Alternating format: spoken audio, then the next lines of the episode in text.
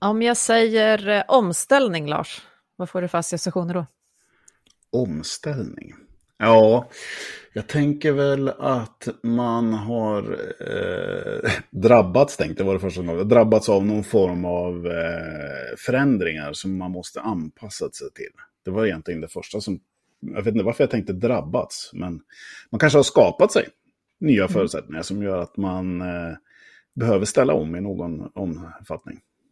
Jag tror inte att det är så konstigt att du konnoterar så till drabbats, för jag tycker det ordet tar sig in i väldigt många sådana sammanhang, vem jag än pratar med just nu. Mm.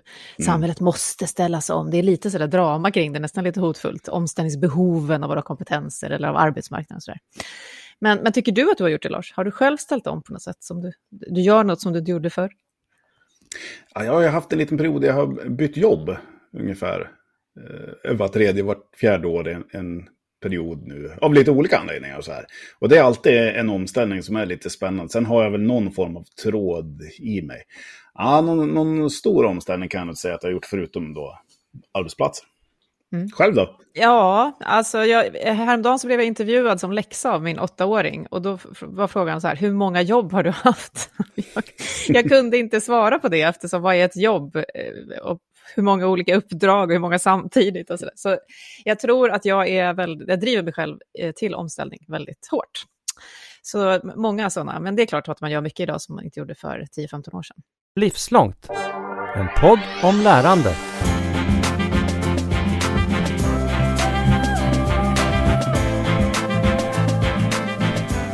Och då har alla nu förstått att dagens tema är lite omställningsbetonat. Välkommen till mig, Katarina Björtsäck och Lars Lingman i Livslångt och veckans gäst som är Oskar Stege Unger. Hej och välkommen! Hej, tack så mycket! Välkommen! Du, hur har du ställt om här i livet innan vi pratar om annat? Nej, men jag tänkte på det lite och eh, några av de här frågorna som du skickade innan, att det, det är väldigt mycket begrepp som är liksom, eh, lite från distans och utifrån som är svårt, tror jag, som individ att liksom känna igen sig i en omställning. Det är som att man åker på en viss väg, liksom fix på ett visst mål. Sen så händer någonting, sen bara ska man svänga och åka en annan riktning.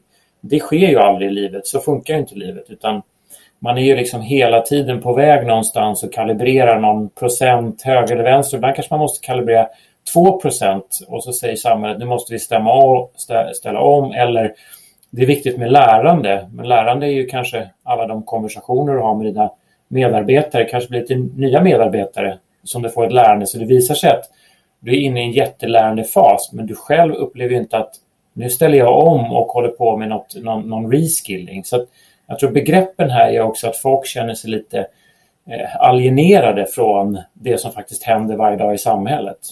Mm. Jag brukar fråga många av våra gäster och mig själv, så här, noterar du när du lär dig? Jag vet inte om du gör det. Så här, ja, nu lärde jag mig. Ja, jag kan säga att jag håller på att bygga ett, ett nytt bolag också här samtidigt med min, mina andra roller och jag kan konstatera att ibland har jag under den här sista sex veckorna haft väldigt ont i hjärnan, inte på något negativt sätt.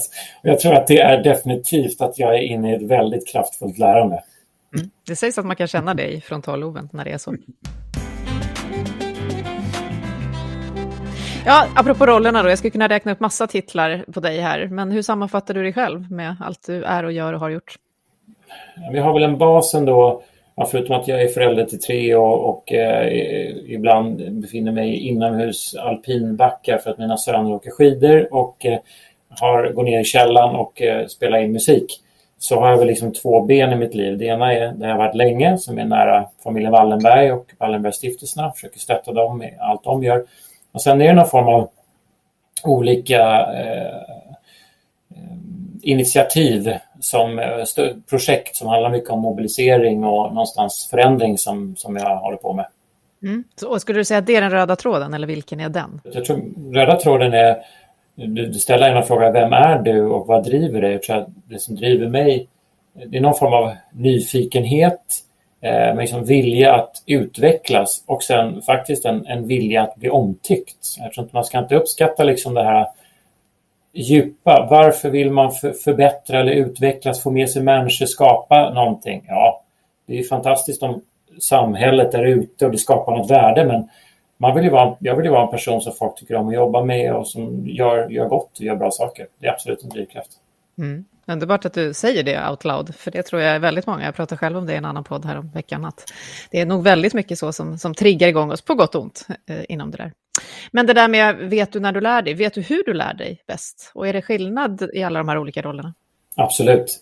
För mig, liksom, mitt 95 procent av mitt lärande handlar ju om att jag interagerar med människor. Liksom, jag kan se, det är så jag tar till mig kunskap. Jag är inte så mycket någon som stänger dörren och läser väldigt mycket. Jag kan läsa lite, men sen så pratar jag med tio, tio gånger så många människor. Så då är ju tricket att liksom, eh, lyckas träffa människor som kan saker du själv inte kan. Och då eh, kommer det tillbaka till lite vad man har för metodik. Då måste man ju ta sig ut på arenor och i områden som du inte riktigt kan. För att det du kan, där träffar du människor som kan det du kan.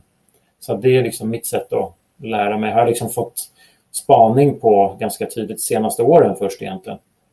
Skulle du säga att du är modig? För först säger du att du drivs av en drivkraft som vi alla gör, men få pratar om. Och sen att du vill träffa sådana som kan det du inte kan, något som ju kan vara hotfullt.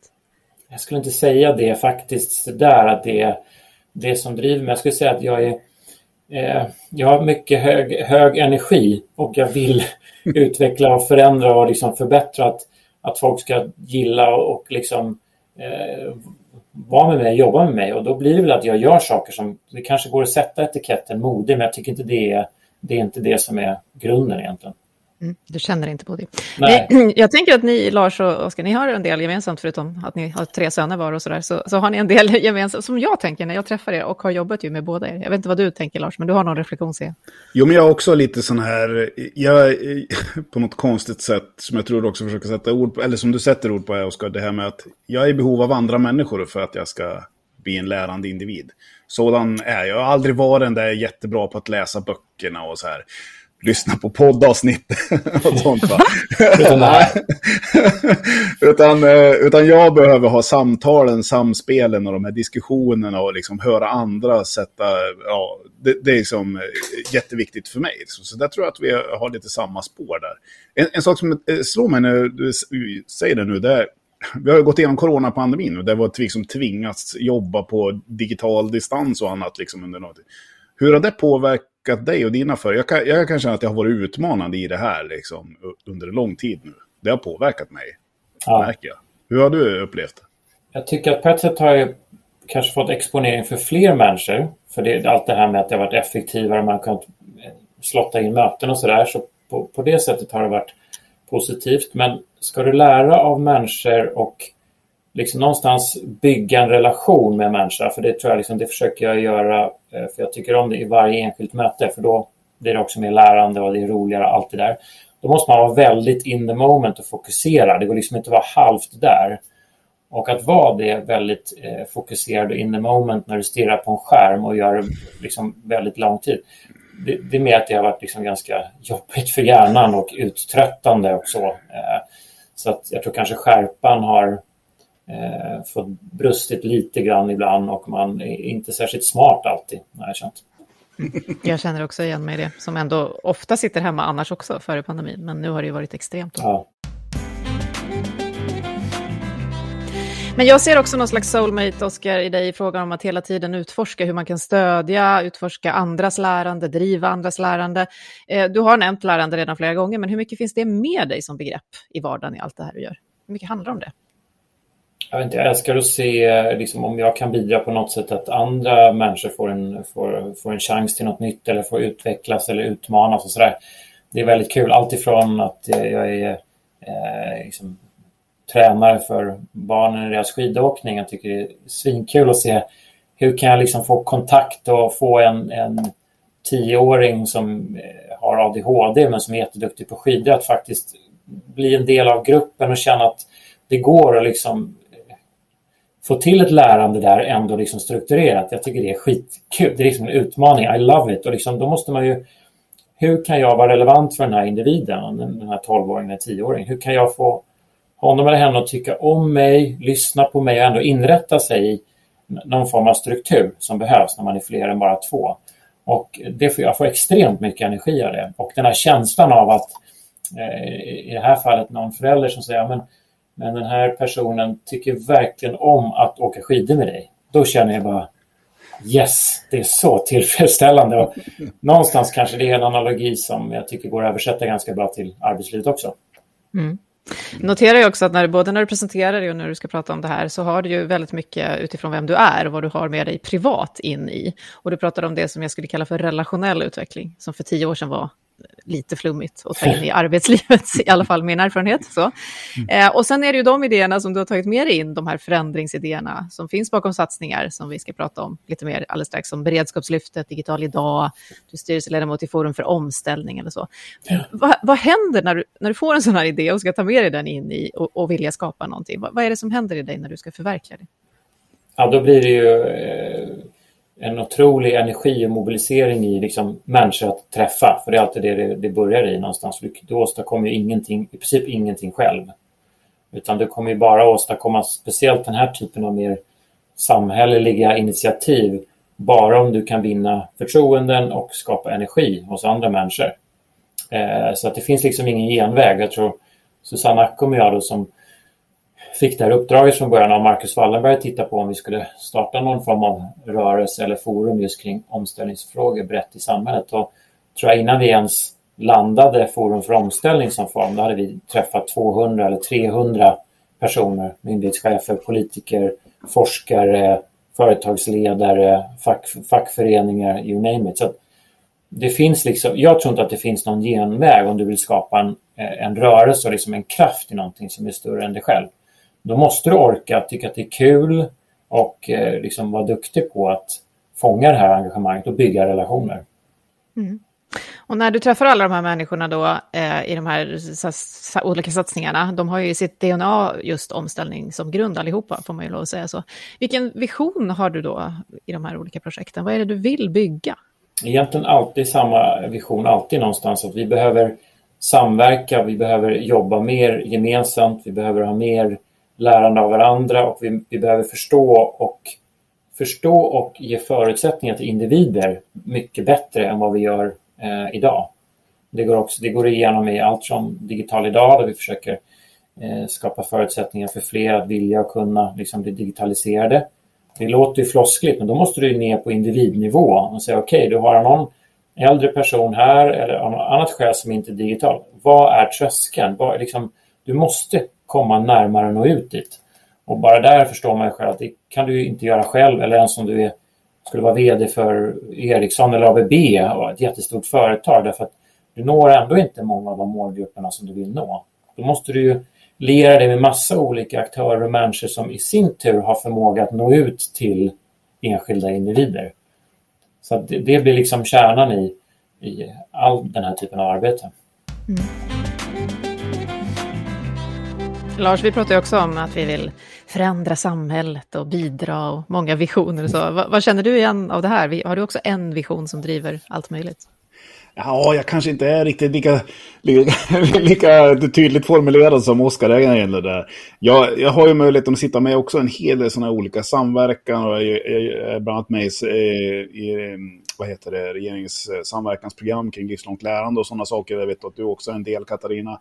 Och, och det, är ju, det blir ju väldigt... Um, eh, I de här nätverken, när det är på nationell nivå, då blir det oftast ganska komplexa strukturer, ganska komplexa, eh, hur ska jag uttrycka det, drivkrafter kan man säga, som möts. Med olika agendor och man ska försöka hitta en linje och, och samtidigt vill man ju gärna då försöka hitta den här guldkornen det här är det som liksom försök, vi måste försöka få hända och få en överenskommelse om det och sådana saker. Det där kan jag tycka är ganska, ganska utmanande för många kommer med olika, från olika organisationer, intressesfärer och har olika drivkrafter och så vidare. Um, vad tänker du om den här typen av arbete, Oskar? För det här är någonting som intresserat mig ganska mycket det senaste halvåret. Den här typen av liksom komplext nätverkande och samverkan. Hur det blir framgångsrikt tänker jag. Ja, det, det, det, är jätteintressant. Jag har ju liksom bara min utkikspost att utgå ifrån, men jag tar ju den och den är ju mm. ändå, plattformen jag står på är ändå liksom Wallenbergstiftelserna och då finns det ju 100 eller 160 års historik och eh, erfarenhet av att eftersom vi stödjer forskningen så är vi liksom alltid i, i uppkopplade mot akademin och sen så kommer ju pengarna från näringslivet så vi är liksom uppkopplade mot näringslivet och givet att det här är en så pass stor verksamhet så finns man alltid som en speaking partner till politiken på något sätt. Så det, det, det, finns naturligt där. Men, och, och stiftelserna kan agera lite eh, eh, fritt. Man, man, man är inte så inboxad på ett sätt så länge man tror att det hjälper på lång sikt eh, att skapa mer resurser och mer pengar till forskningen så kan man liksom agera som en, en fri mittfältare lite grann. Jag tror att det är nog ingen slump att, att det har visat sig att flera av de här eh, initiativen som vi har dragit igång är, liksom, är ingenting egentligen. Nu är Forum för omställning en ideell förening och det var även Forum för välfärd inom det. Digital idag är egentligen, det är ingenting. Det är ett projekt. Men det är gigantiskt. Det kommer att vara 1300 aktiviteter som sker nästa fredag liksom på över 200 orter. Så att vi blir liksom inte fast i formen utan mm. vi blir fast fokuserade på målet.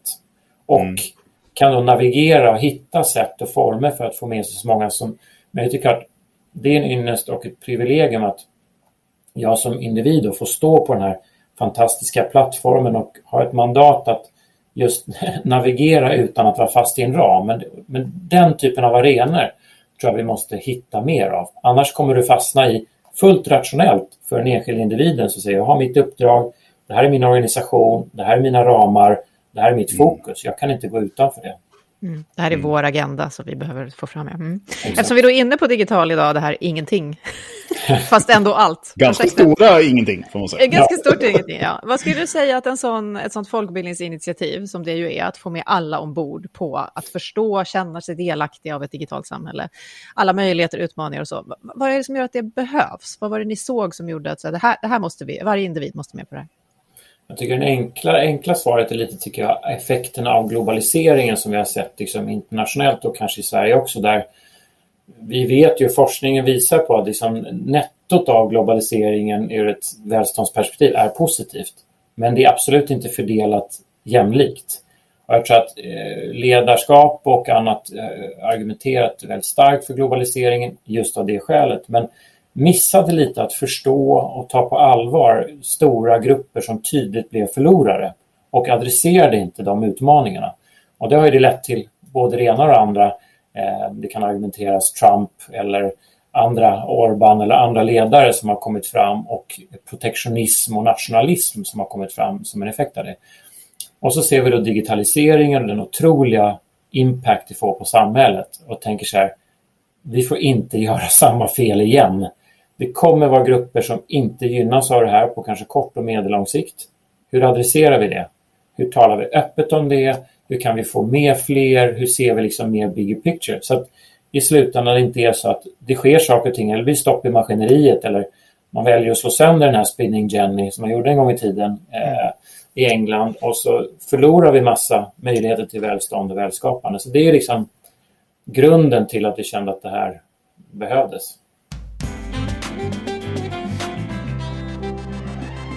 Ja, men eh, på det där spåret lite grann, den här, eh, den här, de här olika rörelserna som finns nu och det kan handla om klimatomställning eller digitalisering, stora liksom, eh, samhällsrörelser som påverkar oss jättemycket.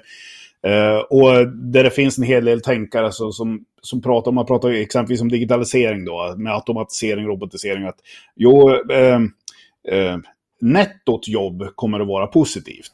Mm. Men det kommer ju att vara andra jobb och då är vi tillbaka i den här omställningsproblematiken. Och hur snabbt kan vi göra det så att vi inte har människor som hamnar utanför och så vidare. Vad, vad, vad, vad tänker du om, vi, om vi tänker just den här lärandet, den omställningslärandet och hur vi kan liksom jobba med det. Vad tänker du skulle vara liksom de viktigaste grejerna om vi ska försöka adressera det här så att vi inte har människor som hamnar utanför nu i den här liksom snabba accelererande rörelsen? Jag tycker egentligen du har redan beskrivit svaret jättefint to the point. Det handlar om att, att, att liksom möjliggöra för ett lärande eh, på individnivå. Det är det enda sättet att rusta eh, liksom en individ för att vara anställningsbar eller känna sig delaktig i samhället eller vad gäller digitaliseringen kunna tillvarata fler och fler samhällstjänster som bara kommer digitalt och inte fysiskt. Eh, så ja, men det är enkelt. Ja, fast nu bor det 10 miljoner människor i här landet som alla lär på olika sätt, är olika motiverade, nås på olika sätt och olika förutsättningar och sådär. Så, så det är klart att det är supersvårt. Eh, men man måste hitta massa olika sätt för att nå ut i kapillärerna och hitta så skräddarsydda lösningar eller incitament eller motivatorer så att man får liksom en generell eh, uppgradering och Eh, ge, skapar fler möjligheter för varje individ. Det, liksom, det är jättesvårt förstås men jag tror inte det finns någon annan systemisk lösning eller det kan finnas systemiska lösningar som kanske delvis adresserar men i slutändan är det individer som man måste nå och som måste ges förutsättningar att eh, lära eller vilja. Ja, det är intressant. Den senaste, eh, förra veckan så hade jag möjligheten att prata med lite, eh, eh, några elever i gymnasieskolan och så hade jag något budskap som gick ut på att en av de viktigaste sakerna som du kommer att behöva lära dig är hur du lär dig. Så att du kan, du, du kommer ha helt andra möjligheter än jag att byta yrken och prova massvis med olika karriärmöjligheter. Liksom och så här. Men jag funderar lite grann efteråt där. Det, det här är ju någonting som alla som är i yrkeslivet nu också, kanske är det en sån här liksom, nyckelkomponent. Att många, många fler människor måste få syn på sitt eget lärande och liksom lära sig om det och kunna styra och reglera det. Det är någon sån här liten tanke som jag haft den senaste veckan som jag tror är, kanske är lite förbisedd. För vi tänker oftast utbildning, kurs eller möjligtvis lärande organisation och sådana saker. Men på individnivå kan det där vara väldigt viktigt. För det är många som jag tror inte har koll på det. Liksom. Hur lär jag mig? Jag håller med dig så mycket. Jag tänker på, tänk om man själv, nu är jag 46 och liksom, som jag sa, senaste åren liksom verkligen blivit tydligt för mig liksom, kanske när jag är som bäst eller hur jag lär eller hur jag liksom skapar framsteg på något sätt. Eh, och detsamma gäller ju lärandet. Att, tänk om de här insikterna kan komma mycket tidigare i, i liksom en, en människas utveckling. Mm. Hur man lär sig eller hur man liksom kan få störst impact och sådär. Det, det är klart, jäklar vad mycket mer lärande och liksom bättre individer vi, kan, mm. vi kommer kunna få i samhället. Så att det där är superviktigt, jätteintressant. Vi har ju varit inne på det i podden förut och jag pratar i många sammanhang om det, att det också krävs ju något av, av ditt, man pratar ibland om inner goals, eller det krävs något av dig som person, att du utvecklas på ett visst sätt och det är ju svåra processer så.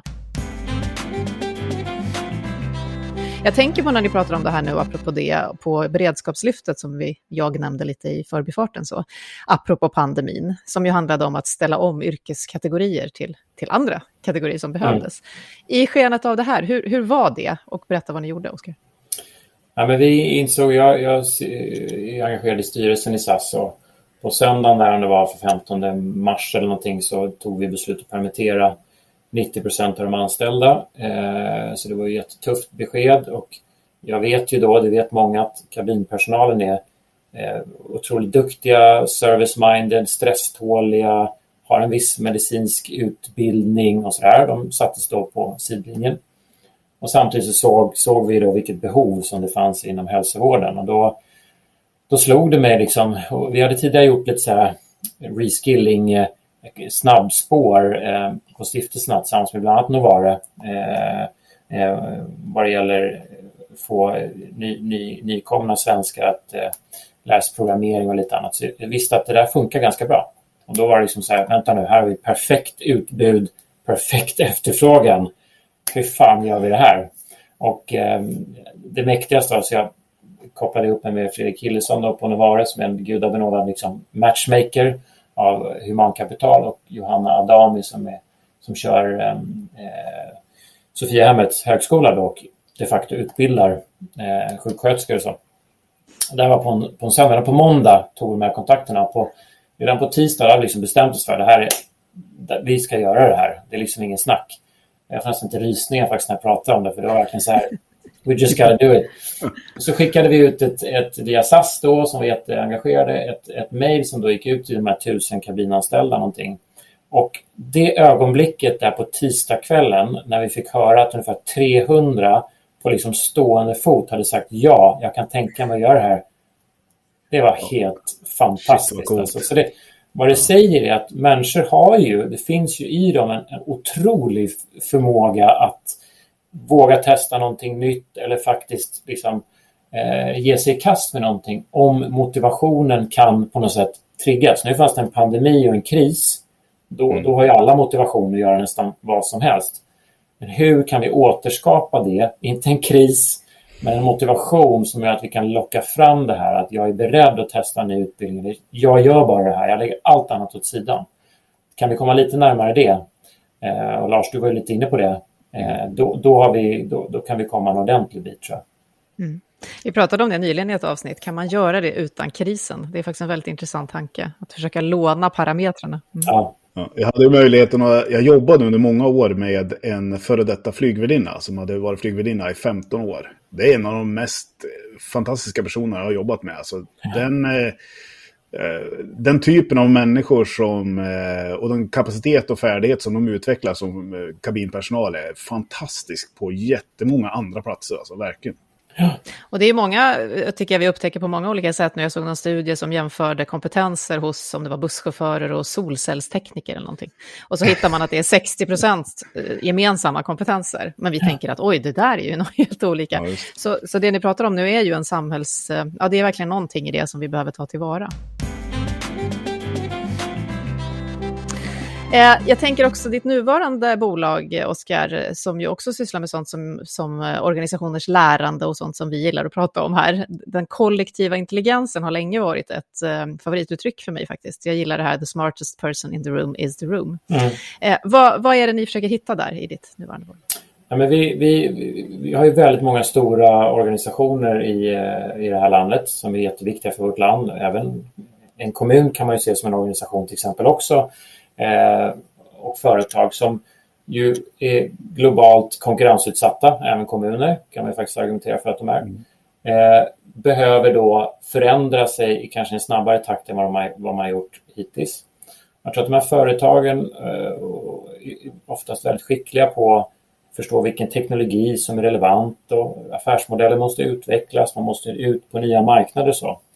Men då är det den här lilla Eh, detaljen med att man kanske har 40 000 anställda som finns spridda över 70 länder ute i världen och som har helt andra kulturer och helt andra språk. Mm. Så man också då måste hitta ett sätt, tillbaks till det vi pratade om i början, att nå för att liksom fånga både ett engagemang men också fånga kunskaper för att kunna snabba på den här transformationen.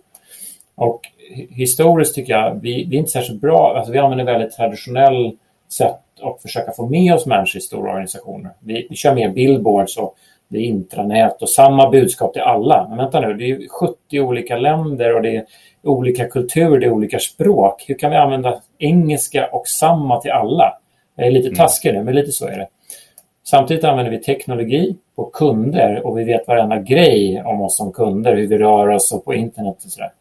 Så att det vi gör med, med Kanuki det är att använda ny teknologi och vi använder något som heter Natural Language Processing. Då. Förmågan att i skriven eller talad text, som, talat som kan bli text, fånga upp individerna och deras input på vad behöver vi göra för att gå snabbare framåt.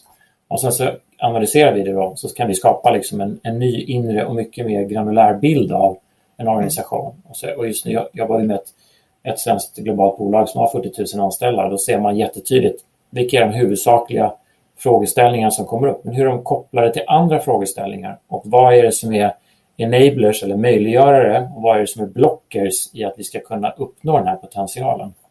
Så det är otroligt spännande och eh, tillbaks till det här att hur vet man om man lär sig? Eh, här är liksom en ny teknologi, ett nytt sätt att eh, som ledare då, eh, i det här fallet den som är vd för det här bolaget att, att faktiskt lyssna in liksom demokratiskt alla oavsett en röst är värd lika mycket.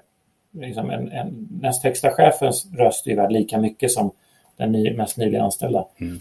Analysera det här och försöka förstå vad fasiken visar det här datat på det här sättet. För det har liksom inte gjorts riktigt på det sättet.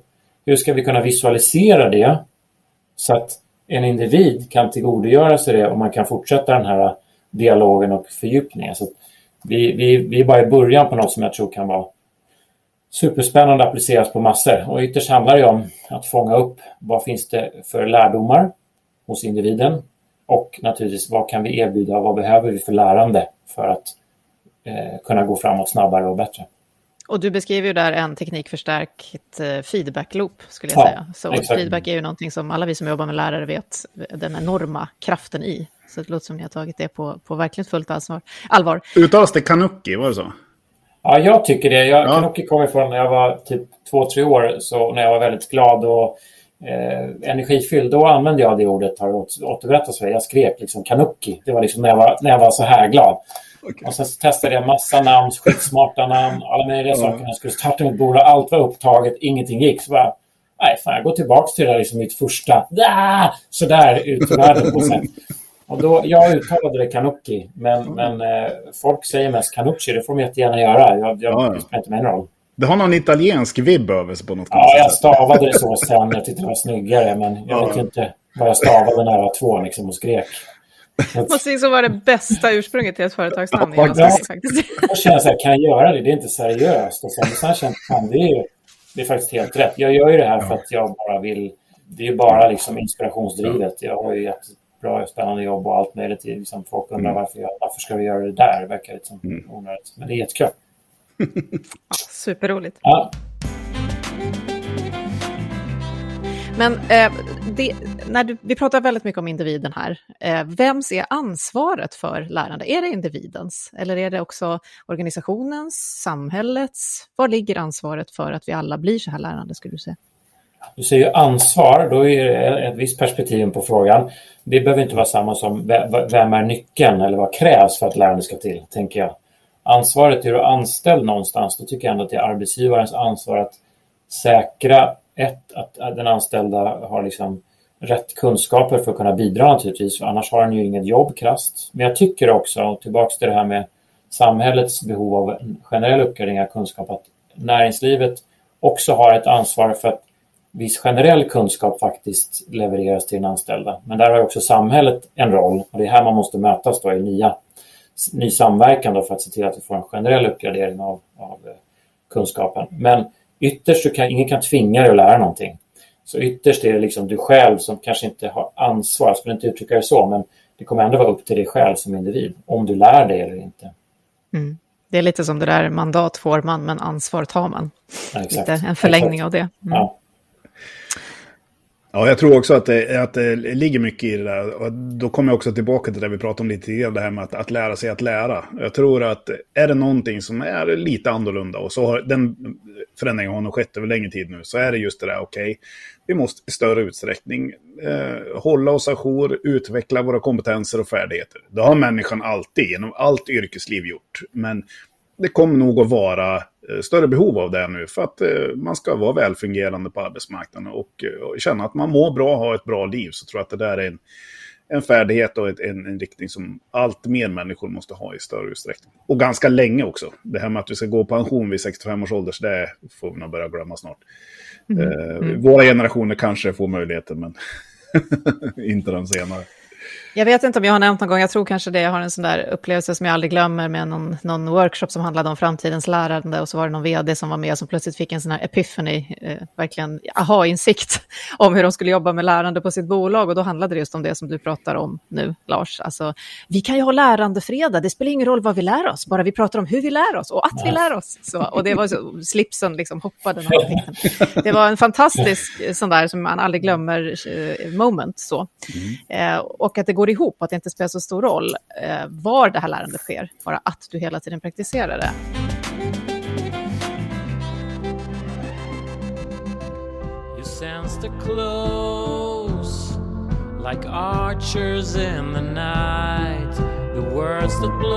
Jag tänker Oskar, förutom allt det vi redan har nämnt så är du ju då, du spolade förbi det lite snabbt i början, lite musiker på din fritid. Mm. Vad betyder den delen för ditt lärande och den du är? Jag tror mest den betyder någonting för liksom att hålla min hjärna lite sund och mig själv lite liksom hel faktiskt. Eh, för att, eh, så att inte samma saker bara snurrar i huvudet. Med musik framförallt då, man skriver musik, det är ju liksom ja, på ett sätt, jag tror att man aktiverar det mesta som går i hjärnan när man gör det. För det är både liksom produktion, melodier, sång, det utövar någonting som jag spelar instrumenten men också digitalt. Så att jag tror att det är mer att se som kanske terapi eller meditation eller något annat egentligen. Eh, sen är det ett väldigt tillfredsställande format därför det är liksom, jag skriver kanske låtar som är tre minuter, så håller jag på kanske två månader. Sen är det klart. Sen, sen kan du liksom, I den här abstrakta världen. Ja, du kanske ja. ute på Spotify så kan du, kan du betrakta det på ASA och säga det där har jag gjort. Och så lägger du den och sen glömmer du i princip att du har gjort den. Så det är jättetillfredsställande även på, på closure-sidan, eller man ska säga. Mm. Jag satte faktiskt på dig på Spotify när jag skulle eh, förbereda podden, för jag tänkte att det blir en bra inspiration. Och då förstår jag precis det där. Plus att jag också har börjat spela in själv lite Ja. musik. Och det är verkligen någonting med closure som vi skulle kunna göra ett helt avsnitt om, tror jag. Jag önskar inte din dotter som sjunger väldigt eh, bra, eller? Jag önskar Jo. att jag hade en lite bättre röst dock, men det, hur mycket jag försöker lära mig så just den verkar svår att få till. Men anyway. Ja. Uh, anyway, så är den. Det är trevligt att lyssna på dig, verkligen. Eh, Lars, du var på väg att säga någonting.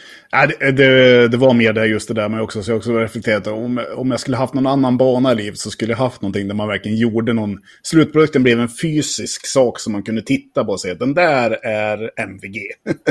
så det var lite mer så här superkonkret. What's stopping you? What's stopping me? Det har du helt rätt i, Oskar. Jag tycker ändå, när vi pratar om lärande, lätt så här, vi, och vi är lite erfarna och har perspektiv i samhället, så jag tycker att lärande är viktigt och det är inte svårt och det är kul och så här. Men det är faktiskt sjukt svårt och det är sjukt jobbigt. Jag tror att nästan alla, vi är ungefär tror jag, i samma ålder, vi tre som är på den här podden. Det ni, ni ägnar er åt i ert liv är bara saker ni är fruktansvärt bra på i princip. Eller hur? Vilka sporter Ja. gör ni? Vad, liksom, Ja. vad jobbar ni med? Allt ni gör är ni ju jätteduktiga på. Varför gör ni ingenting som ni är jättedåliga på emellanåt? Du var inne på det Lars. Varför tar Ja. du inte an... Jag ska inte säga att jag, men jag har liksom försökt att senare år lära mig att simma, kråla och vågsurfa. Alltså det är, fruktans, det är, det är fruktansvärt när du riktigt suger på någonting. Men du har bestämt dig för att du ska lära dig. Men jag, men jag tror liksom att hjärnan, alltså, vi måste orka göra det här som vi är dåliga på helt enkelt. För det är då lärandet är som störst. Du kanske skulle damma av klarinetten, Lars. Den har du ju nämnt här. Ja, just klarinetten har jag nog lämnat bakom mig för all evighet faktiskt. Men kanske ändå... Men någonting annat. Nej, jag, jag, gillar, det- jag gillar det där, Oskar. Du är någonting på spåret där. Det ska jag ta med Mm. mig verkligen. Stort tack, Oskar Stege Unger, för att du var med mig och Lars Lingman i Livslångt den här. Tack så Tack så mycket. Och när vi nu säger hej då så är det alltså bara några dagar kvar till årets Digital idag 2021.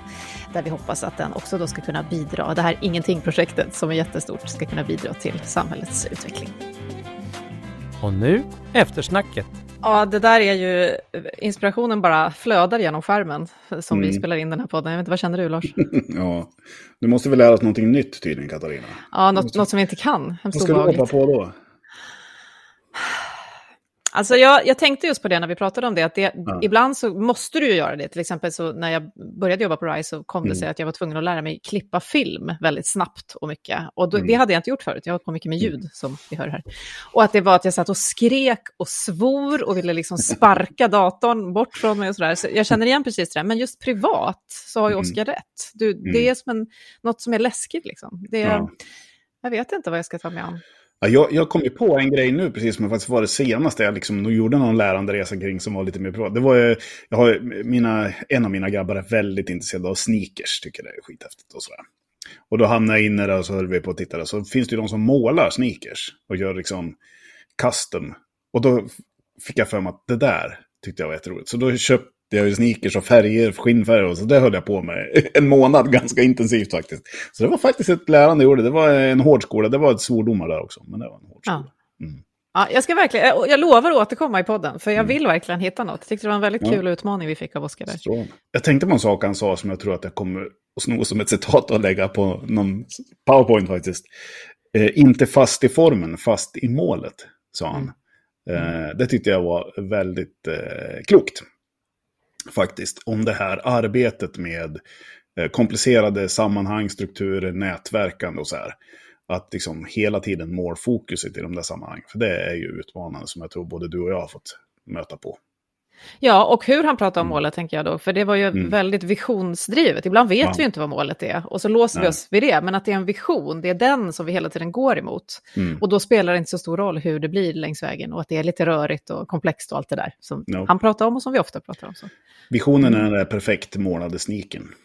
Exakt. Mm, du får visa den någon gång sen här. Det är synd Ja, att det är en precis. podd och inte tv. Ja, men du, tack så hemskt mycket för den här veckan då, Lars. Då går vi vidare in Tack i själv, helgen Katarina. som det är när vi spelar. Ja, ha det Yes. gott. Hej då! Hej då. Du har just hört Livslångt, en podd från RISE om allt det där man lär sig i livet. Vi hörs om en vecka igen.